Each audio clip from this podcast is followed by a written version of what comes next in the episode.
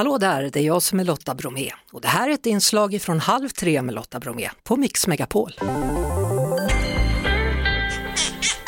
Mat och vin.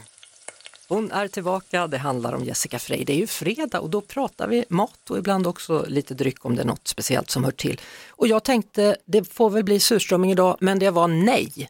Istället ville vi ska prata svamp. Ja men för det älskar jag ju. Och eh, det som jag älskar mest är ju kantareller, det är man ju inte ensam om. Men jag tänkte dela med mig av ett väldigt bra tips till just kantareller som fortfarande inte så många har upptäckt fast jag försöker tjata om det varje år på min Instagram. Eh, och det är ju då kantareller och dill är bästa kompisar. Jaha. Ja, nyhet för många. Man kan testa att dra ner då lite eh, finhackad dill i sin eh, kantarellstuvning till sin lilla macka. Kanske plocka lite sådana här krondillsblommor och lägga på. Har man då lite kräftor hemma så kan man också lägga på en liten kräftstjärt så har du en väldigt lyxig eh, liten lunchmacka där. Eh, något som också är gott är att göra en kantarellpasta och ha i jättemycket finhackad dill eller en kantarellrisotto med dill. Så Dill? jag vill skicka med dillen till lyssnarna idag. Dillen är liksom, när ska den få sin storhetstid? Kanske nu. Ja, det är dillkött annars. Ja, och den är också lite bortglömd. Den är en bortglömd rätt. Ja, det kan Alltså, vi prata om någon gång. Jag kan vi inte göra det, lite sådana gamla husmanskosträtter. Ja, det ska vi man- göra i höst tycker jag. Ja, När det är passar på hösten. riktigt. Ja, precis, för det är det ju fortfarande inte. Från Eh, augusti. Ja, när, när vi ändå pratar om, om svampen här då, när man får en vegetarian på middag så är det ofta så att man använder sig av halloumi men man kan också använda sig just av en stor svamp. Jättetrevligt med svamp. Och där vill jag då slå ett slag för att det blir lätt lite magert till vegetarianerna. Att om vi äter en goffiburgare så kanske de också vill ha en goffiburgare. Och då tycker jag att man kan testa att ta de här stora portobellosvamparna till exempel. Fyller vi dem med ett vitlökssmör med så här mycket vitlök, mycket smör, persilja, kanske lite riven eh, lagrad ost för att få in den här lite umami-tyngden i det.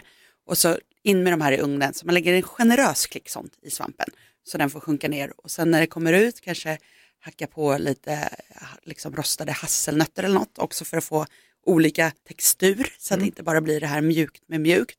Då har vi liksom en portobellosvamp som smakar mycket. Eller om man vill ha fortfarande grillen framme kanske och grilla svamp, då kan man tänka på att marinera svampen också. För den kan ju suga åt sig hur mycket smak och gottigheter som helst. Och då gärna med soja för att få in också det här lite umami-djupet och sältan. Kanske lite soja, lite vitlök, eh, lite honung, chili och så låta svampen ligga i en påse eller en skål länge och få den här marinaden. Bra tips! Ja. Ja. Jessica Frey, ni hittar henne som vanligt både på Halv Instagram men också hennes egna. Tack för idag! Tack. Vi hörs såklart på Mix Megapol varje eftermiddag vid halv tre. Ett poddtips från Podplay. I fallen jag aldrig glömmer djupdyker Hasse Aro i arbetet bakom några av Sveriges mest uppseendeväckande brottsutredningar. Går vi in med hemlig telefonavlyssning och, och då upplever vi att vi får en total förändring av hans beteende. Vad är det som händer nu? Vem är det som läcker?